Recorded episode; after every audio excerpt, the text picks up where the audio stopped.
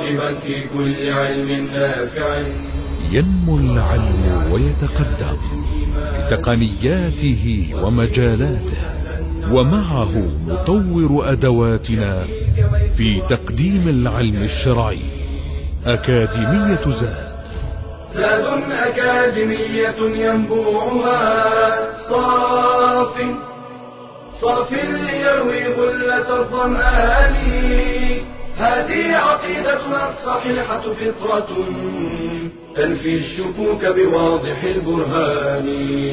بشرى لنا ذات أكاديمية للعلم كالأزهار في البستان.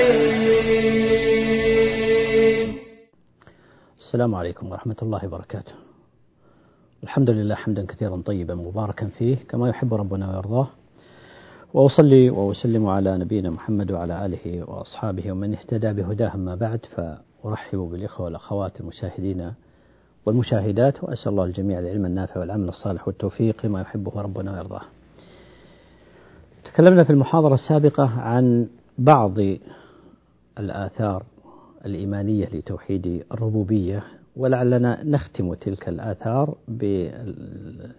بنقطة أخيرة وإن كانت هي كثيرة ولا يمكن استقصاؤها في الحقيقة. ولكن من هذه الآثار هو الرضا بقضاء الله سبحانه وتعالى وقدره. فكل ما يجري في هذه الأرض من هو من خلق الله سبحانه وتعالى ومن تدبيره. فاستشعار الإنسان بأن كل ما يصيب الإنسان وكل ما يجري في هذا الكون هو بتدبير الله عز وجل عن علم وحكمة فإنه لا شك أنه يرضى ويسلم. ويقتنع لتدبير الله عز وجل لأنه يعلم أنه من لدن عليم خبير وأن الله سبحانه وتعالى لا يعلم ولا يخلق شيئا ولا يقدر شيئا إلا عن علم وحكمة وأن مآلها هو صلاح العبد وما يرجع إليه بالخير والصلاح. ولهذا يقول الله عز وجل ولنبلونكم بشيء من الخوف والجوع ونقص من الأموال والأنفس والثمرات هذا ابتلاء. يقابله قال وبشر الصابرين. ماذا لهم؟ قال الذين إذا أصابتهم مصيبة قالوا إنا لله وإنا إليه راجعون. هذا هو تحقيق معنى الربوبية. إنا لله فنحن عبيده وخلق من خلقه ومآلنا إليه سبحانه وتعالى. إنا لله وإنا إليه راجعون. ما هي ثمرة هذا التسليم وهذا الانقياد وهذا الرضا؟ قال أولئك عليهم صلوات من ربهم ورحمة وأولئك هم المهتدون. صلوات من ربهم أن الله يثني عليهم. من صبر من ابتلي فصبر وقال إنا لله وإنا إليه راجعون وحقق هذا الإيمان فإنه موعود من الله عز وجل بأن الله يثني عليه في عليائه سبحانه وتعالى. ويرحمه. أولئك عليهم صلوات من ربهم ورحمة وأولئك هم المهتدون. وقال الله سبحانه وتعالى ومن يؤمن بالله يهدي قلبه. من يؤمن بالله يهدي قلبه. قال ابن عباس رضي الله تعالى عنهما يهدي قلبه لليقين فيعلم أن ما أصابه لم يكن ليخطئه وما أخطأه لم يكن ليصيبه. وقال علقمة هو الرجل تصيبه المصيبة فيعلم أنها من عند الله فيرضى ويسلم. هذا أثر الإيمان بربوبية الله عز وجل. فيرضى ويسلم. فيرضى ويسلم. هذه بعض آثار الإيمان بالله سبحانه وتعالى وهناك آثار أخرى أشرنا إلى شيء منها منها خشية الله عز وجل وتعظيمه منها الطمأنينة والشجاعة الشجاعة والإقدام وغير ذلك من الأمور ومنها الثبات وعدم الزيغ والانحراف إلى غير ذلك من الجوانب الكثيرة في هذا الأمر. ننتقل بعد ذلك إلى الإشارة إلى موضوع آخر وهو متعلق بتوحيد بالإيمان بالله عز وجل وهو الإشارة إلى شيء من أدلة وجود الله سبحانه وتعالى. ونحن حقيقة لسنا في حاجة إلى مثل هذا الموضوع لأن الإيمان بوجود الله أمر فطري. ولذلك قل أن توجد أمة من الأمم من القديم والحديث كانت تنكر وجود الله عز وجل.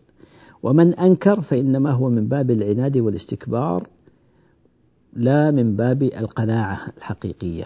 كما قال الله عز وجل وتقدم معنا هذا الكلام وجحدوا بها واستيقنتها أنفسهم ظلما وعلوا في آه، فرعون وآله في آل فرعون فيما تقدم.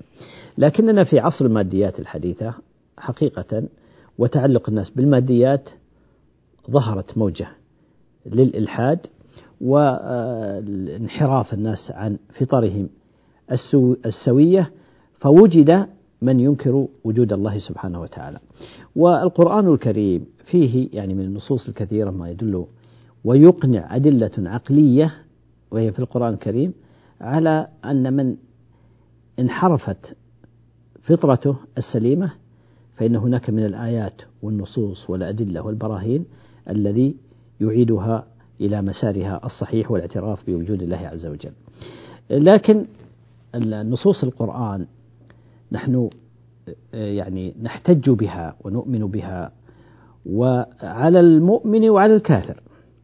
لكن الكافر قد يعاند ويقول إنه لا يقبل آه، بالقرآن لأنه لا يعترف به أقصد الملحد لا يعترف به.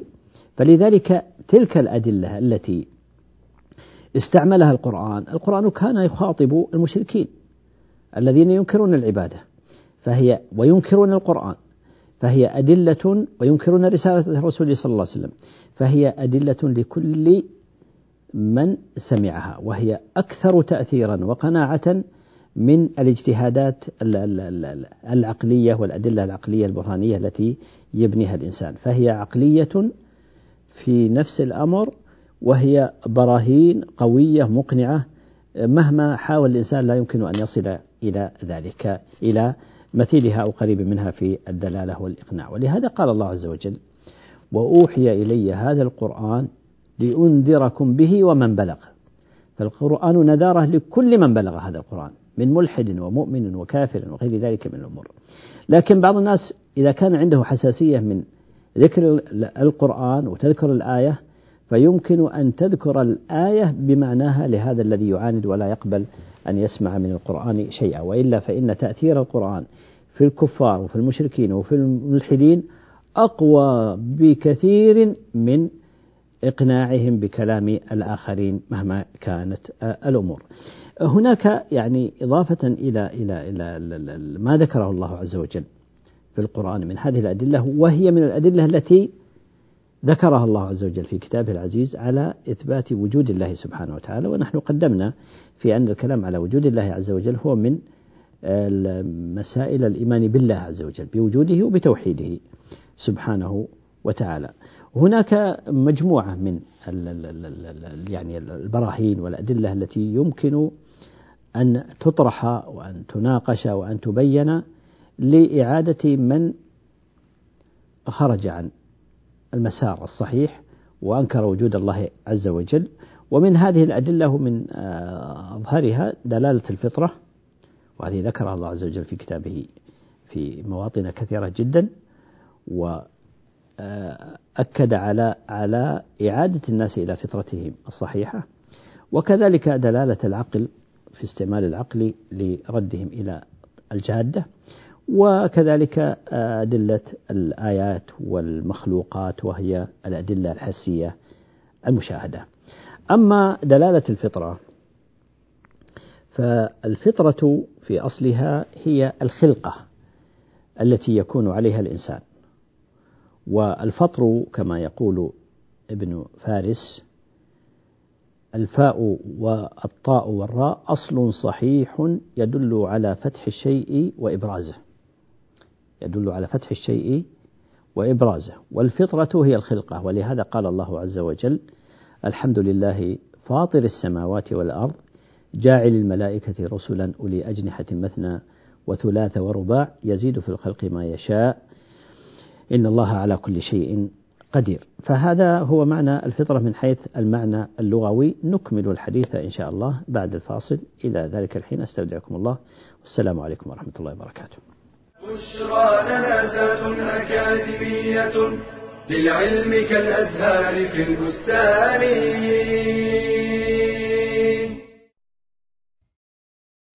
إمام عادل وخليفة زاهد من أشهر الخلفاء الأمويين وأشبه الناس سيرة بالخلفاء الراشدين.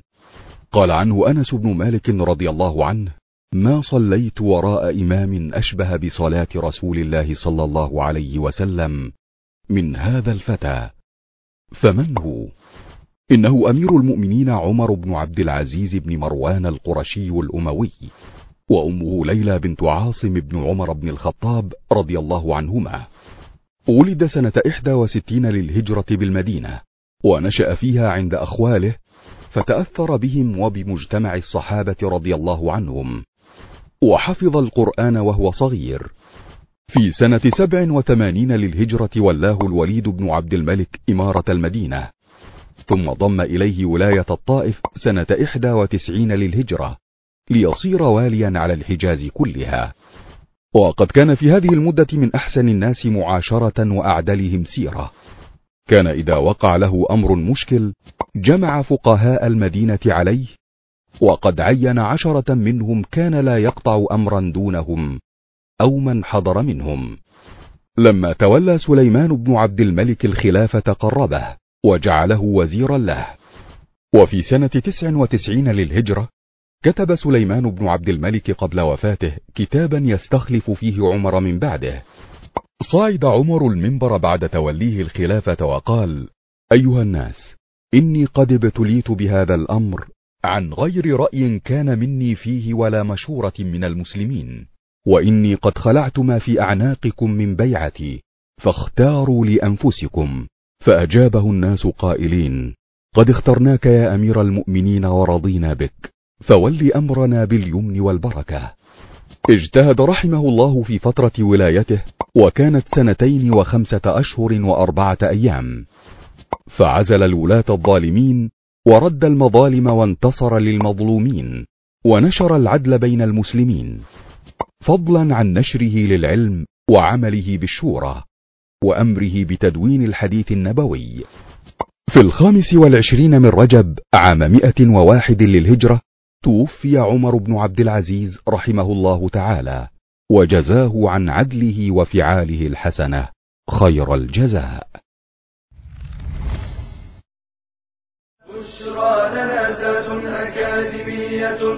للعلم كالأزهار في البستان. السلام عليكم ورحمة الله وبركاته. الحمد لله والصلاة والسلام على رسول الله وعلى آله وصحبه ومن اهتدى بهداه.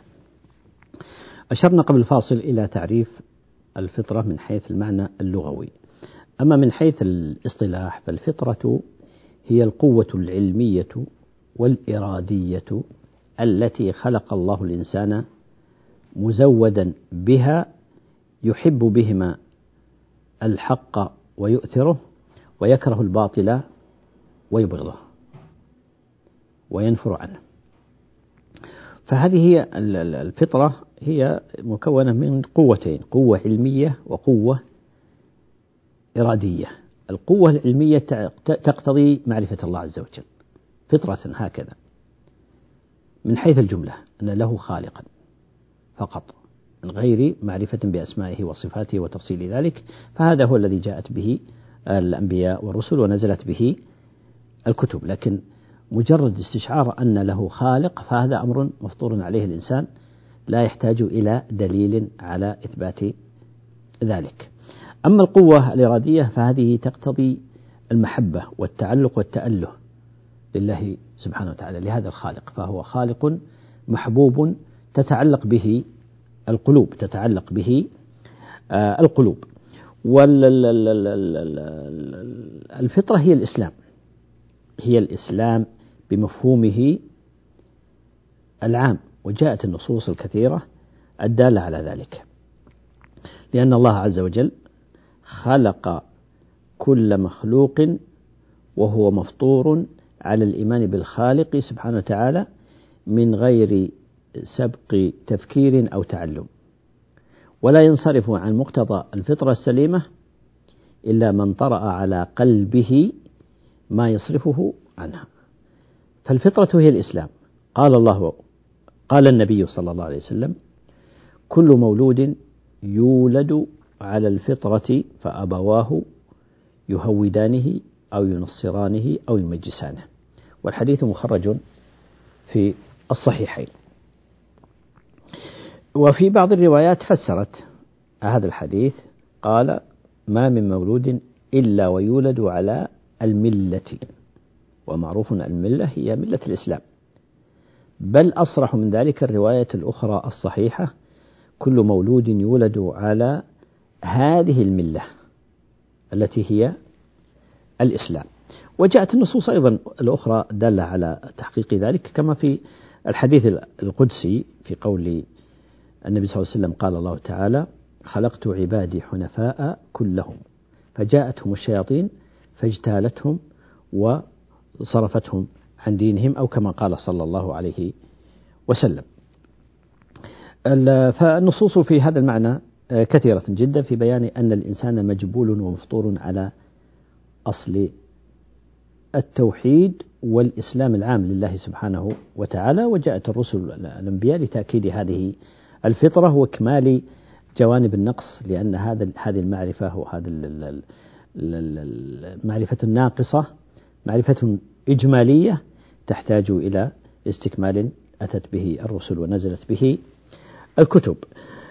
في هذا الحديث قال النبي صلى الله عليه وسلم كل مولود يولد على الفطرة آه، فأبواه يهودانه أو ينصرانه أو يمجسانه آه، لم يقل هنا أو يسلمانه.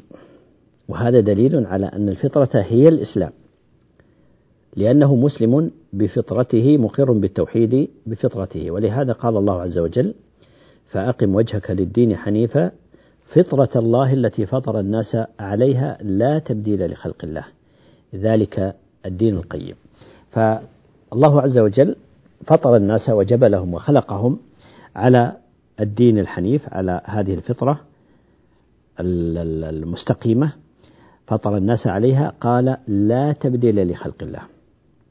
لا تبديل لخلق الله معنى هذه الآية لأهل التفسير فيه قولان أي لا تبدلوا خلق الله فتغيروا هذه الفطرة السليمة المستقيمة إلى غيرها فتحرفوها عن مسارها الصحيح إلى يهودية أو نصرانية أو مجوسية أو غير ذلك. أي لا تبدلوا خلق الله فتغيروا الناس عن فطرتهم التي فطرهم الله تعالى عليها فتكون فتكون بما أن هذا لا تبديل لخلق الله هذا آه، خبر بمعنى الطلب. أي لا تبدلوا لا تبديل لخلق الله أي لا تبدلوا خلق الله عز وجل. هذا هو المعنى الأول. المعنى الثاني تحتمله الآية أيضا أنها على بابها فهي خبر أي أن الله تعالى ساوى بين خلقه كلهم في الفطرة على الجبلة السليمة. فلا تبديل لخلق الله عز وجل لأن الله ساواهم في خلق في أصل الخلقة كلهم مجبولون ومفطرون على هذا التوحيد وعلى هذه آه، الملة. أيضا من النصوص آه، الدالة على أن الإنسان مفطور على التوحيد وعلى الإسلام بمعناه العام في قول الله عز وجل قالت رسلهم أفي الله شك. فاطر السماوات والأرض يدعوكم ليغفر لكم من ذنوبكم ويؤخركم إلى أجل مسمى. أي في وجود الله عز وجل شك. فهذا لا يشك في وجوده أحد ولا في إلهيته سبحانه وتعالى وتفرده بوجوب العبادة. ولكن من فسدت فطرهم وانحرفوا عن الجادة هم الذين أشركوا مع الله عز وجل وانحرفت هذه الفطر السليمة عن أصلها واستقامتها. من دلائل الفطرة أن الإنسان في حال اضطرار لا يلجأ إلا إلى الله سبحانه وتعالى لا يلجأ إلا إلى الله سبحانه وتعالى دون غيره فإذا وقعت به كربة أو أحاط به خطر دعا الله سبحانه وتعالى وتوجه إلى الله سبحانه وتعالى مخلصا له الدين واستغاث به وحده دون غيره. وقد ذكر الله عز وجل كما أسلفنا عدة آيات في تقرير هذا المعنى وهذا المبدأ. قال الله عز وجل وإذا مسكم الضر في البحر ضل من تدعون إلا إياه. فلما نجاكم إلى البر أعرضتم وكان الإنسان كفورا. وقال تعالى فإذا ركبوا في الفلك دعوا الله مخلصين له الدين. فلما نجاهم إلى البر إذا هم يشركون إذا هم يشركون. هناك بعض المفاهيم الخاطئة للفطرة وهي زعم بعضهم أن الفطرة لا لا تقتضي آه، التوحيد وإنما هو وإنما هي مجرد القابلية لما آه، يزرع فيها ويوضع فيها كاللوح القابل آه، للكتابة فيه. ويرد على هذا الكلام الحديث السابقة الحديث السابق لأنه ذكر الملل كلها إلا الإسلام. فدل على أن الفطرة هي الإسلام. لكن الانحراف هو إلى مثل هذه الملل الخاطئة والمنحرفة. وهناك ومن المفاهيم الخاطئة أيضا للفطرة أن الفطرة هي موافقة القدر. هي موافقة القدر. ومعلوم أن جميع الخلق خلقوا موافقين لعلم الله وقدره الأزلي الكوني سبحانه وتعالى لا, لا يختلف في ذلك عنه البتة. لكن الأحاديث التي معنا تدل على أن على على خلاف هذا الفهم الخاطئ للفطرة. لو كان المراد أنهم كذلك لم يكن لقوله صلى الله عليه وسلم فأبواه يهودانه أو ينصرانه معنى فإنهما فعلا خلقا على ذلك. نعم. فهذا يدل على هذا الفهم الخاطئ لمفهوم الفطرة. وكذلك أيضا يرد عليهما في قوله على الملة وعلى هذه الملة فدل على أن هذا أمر غير أنهم آه، يعني جبلوا على ما خلقوا عليه هكذا من غير آه، أثر من غير أثر للانحراف عن الفطرة السوية. وفي تمثيل النبي صلى الله عليه وسلم ذلك بالبهيمة السليمة دليل قاطع على هذا المعنى. كما قال عليه الصلاة والسلام كما تنتج البهيمة جمعاء هل تحسون فيها من جدعاء؟ فالأصل فيها أنها تولد سليمة من العيوب ولكن الناس هم الذين يغيرون هذا الخلق وهذه السلامة بجدع آذان الأنعام وقطعها فيغيرون خلق الله سبحانه وتعالى فدل على أن هذا المفهوم للفطرة مفهوم ليس بالسوي. آه، فاصل ثم نعود لاستكمال ما بقي. إلى أن نلقاكم. نستودعكم الله. والسلام عليكم ورحمة الله وبركاته. بشرى لنا أكاديمية للعلم كالأزهار في البستان.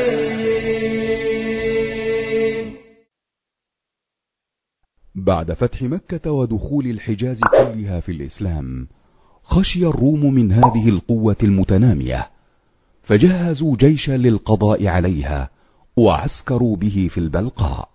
ووصلت الأخبار للنبي صلى الله عليه وسلم فقرر الخروج إليهم رغم قسوة الظروف من قوة العدو وحرارة الصيف وضيق الحال. هنا سارع المسلمون بأموالهم وأنفسهم وخيلهم وعتادهم لتجهيز الجيش وتحرك النبي صلى الله عليه وسلم ومعه ثلاثون ألف مقاتل إلى تبوك في رجب سنة تسع للهجرة. واعتذر كثير من المنافقين عن الخروج وقد عانى الجيش الإسلامي في مسيره من شدة الحر وقلة الزاد حتى سمي بجيش العسرة. فأجرى الله المعجزات على يد نبيه صلى الله عليه وسلم مثل تكثير الطعام واجتماع السحب ونزول المطر ببركة دعائه. ومر الجيش على ديار ثمود فأمرهم عليه الصلاة والسلام ألا يشربوا أو يتوضأوا من مائها وأكملوا مسيرتهم إلى تبوك. واقترب موعد اللقاء وسمع الروم بوصول الجيش الإسلامي إلى تبوك. فسيطر عليهم الرعب ولم يجرؤوا على التقدم وخافوا وتفرقوا في البلاد. وكفى الله نبيه والمؤمنين شر قتالهم. ورجع النبي عليه الصلاة والسلام إلى المدينة بعد أن غاب عنها خمسين يوما منها عشرون يوما قضاها في تبوك نفسها. هكذا كانت غزوة تبوك حربا دون قتال. كانت حربا نفسية كشفت المنافقين وأرعبتهم. وأظهرت نفاقهم وأنزل الله فيها قرانا يحكي قصتها وحال المنافقين معها.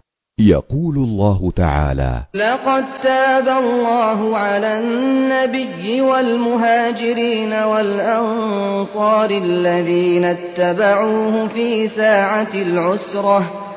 من بعد ما كاد يزيغ قلوب فريق منهم ثم تاب عليهم إنه بهم رءوف رحيم. بشرى لنا أكاديمية للعلم كالأزهار في البستان. السلام عليكم ورحمة الله وبركاته. أه، تحدثنا قبل الفاصل عن موضوع الفطرة وعن بعض المفاهيم الخاطئة الفطرة لأن الفطرة هي بنص الحديث هي الملة هي هذه الملة هي أه، الإسلام هي التوحيد بمعناه العام والإسلام بمعناه أه، ومفهومه العام وقلنا إن من دلائل الفطرة أن الإنسان في حال اضطراره يلجأ إلى الله سبحانه وتعالى مباشرة. ولا يلتفت إلى غير الله سبحانه وتعالى وإن كان في حال السراء قد يلتفت يمنة ويسرع عن غير الله سبحانه وتعالى. وذكرنا شيء من هذه النصوص من الآيات الدالة على هذا المعنى. وإذا مسكم الضر في البحر ضل من تدعون إلا إياه. فلما نجاكم إلى البر أعرضتم وكان الإنسان كفورا. فهذا يعني حقيقة هو دليل الفطرة. الذي يتحرك في ساعة الضراء فلا يلجأ إلى الله إلا إلى الله سبحانه وتعالى. وهو من القوة بحيث لا يستطيع أن يدفعه الإنسان. فيجد الإنسان من نفسه ضرورة التوجه إلى الله سبحانه وتعالى في الشدائد والكروب فلا أحد يوجهه لذلك.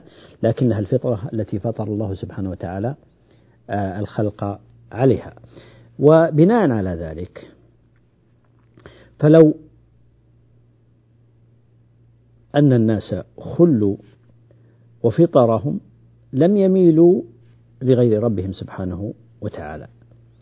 منيبين إليه في جلب المنافع ودفع المضار ومنيبين إليه أيضا في التأله والتعلق والتعبد والذل والانكسار. وهذا شاهد نفسي أن الإنسان يجده في نفسه في لحظات الصفاء وفي لحظات الحالات العصيبة من حياته أنه لا يلجأ إلا إلى الله سبحانه وتعالى بفطرته.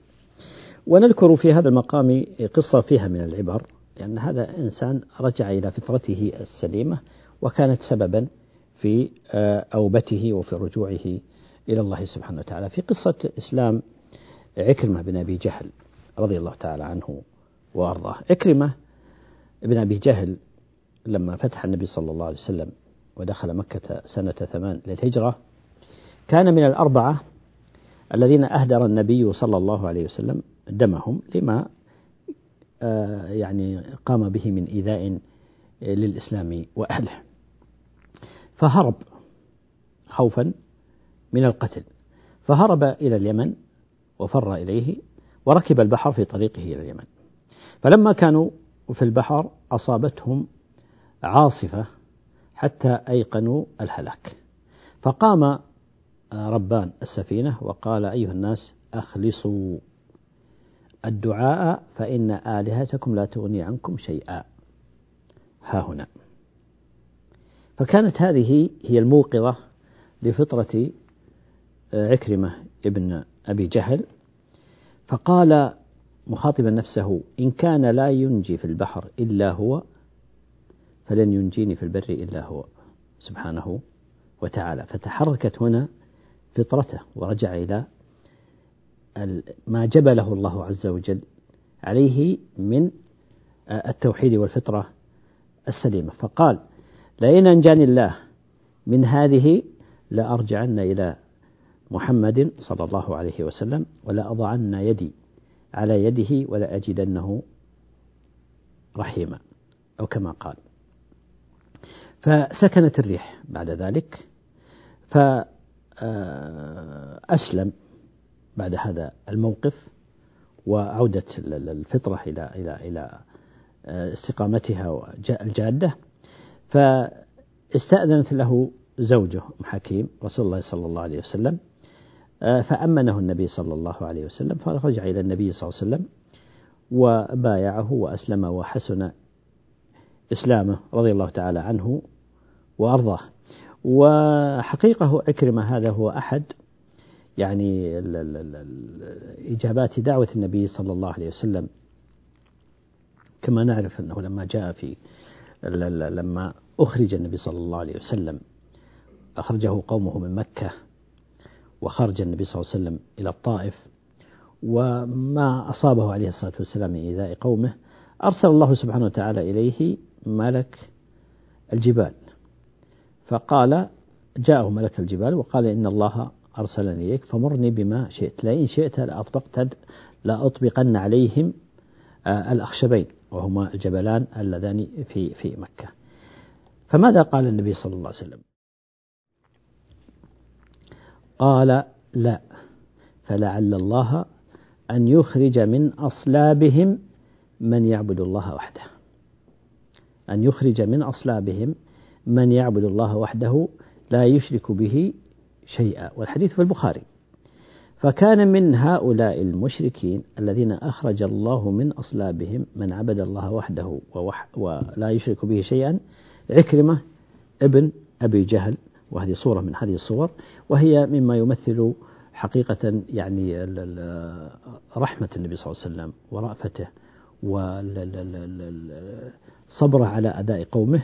ونفع الله سبحانه وتعالى فقد رجع منهم فئام ممن كانوا في ذلك الوقت على الكفر وعلى الشرك وأخرج الله من أصلابهم من عبد الله سبحانه وتعالى وحده وصار يعني من المسلمين الموحدين الذابين عن هذا الدين الداعين إليه والناشرين له. الشاهد من هذا كله أن هذه صورة من صور الفطرة فالفطرة قد يعني تتلوث بالمؤثرات الخارجية البيئية المجتمع والبيئة وغير ذلك من الأمور ولكنها في حالة آه، الصفاء والبعد عن المؤثرات الخارجية فإنها لا تعرف إلا ربها.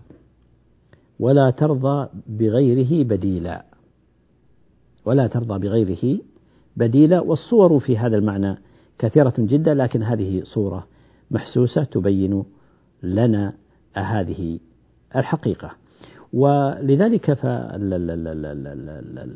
جاء القرآن بالتنبيه على يعني تنبيه هذه الفطرة في نفوس المشركين من أجل أن يعودوا إلى أصل خلقتهم وإلى أصل فطرتهم وما جبلهم الله سبحانه وتعالى عليها وإزاحة هذا الغبش وهذا الغبار وهذا الركام الذي أدى إلى التشويش على هذه الفطرة وعدم قيامها بما هي عليه في أصلها. فلذلك جاءت النصوص الكثيرة جدا في القرآن في الحث على لا بد أن, أن, أن, أن يعود الإنسان إلى فطرته وإلى جبلته وأصله.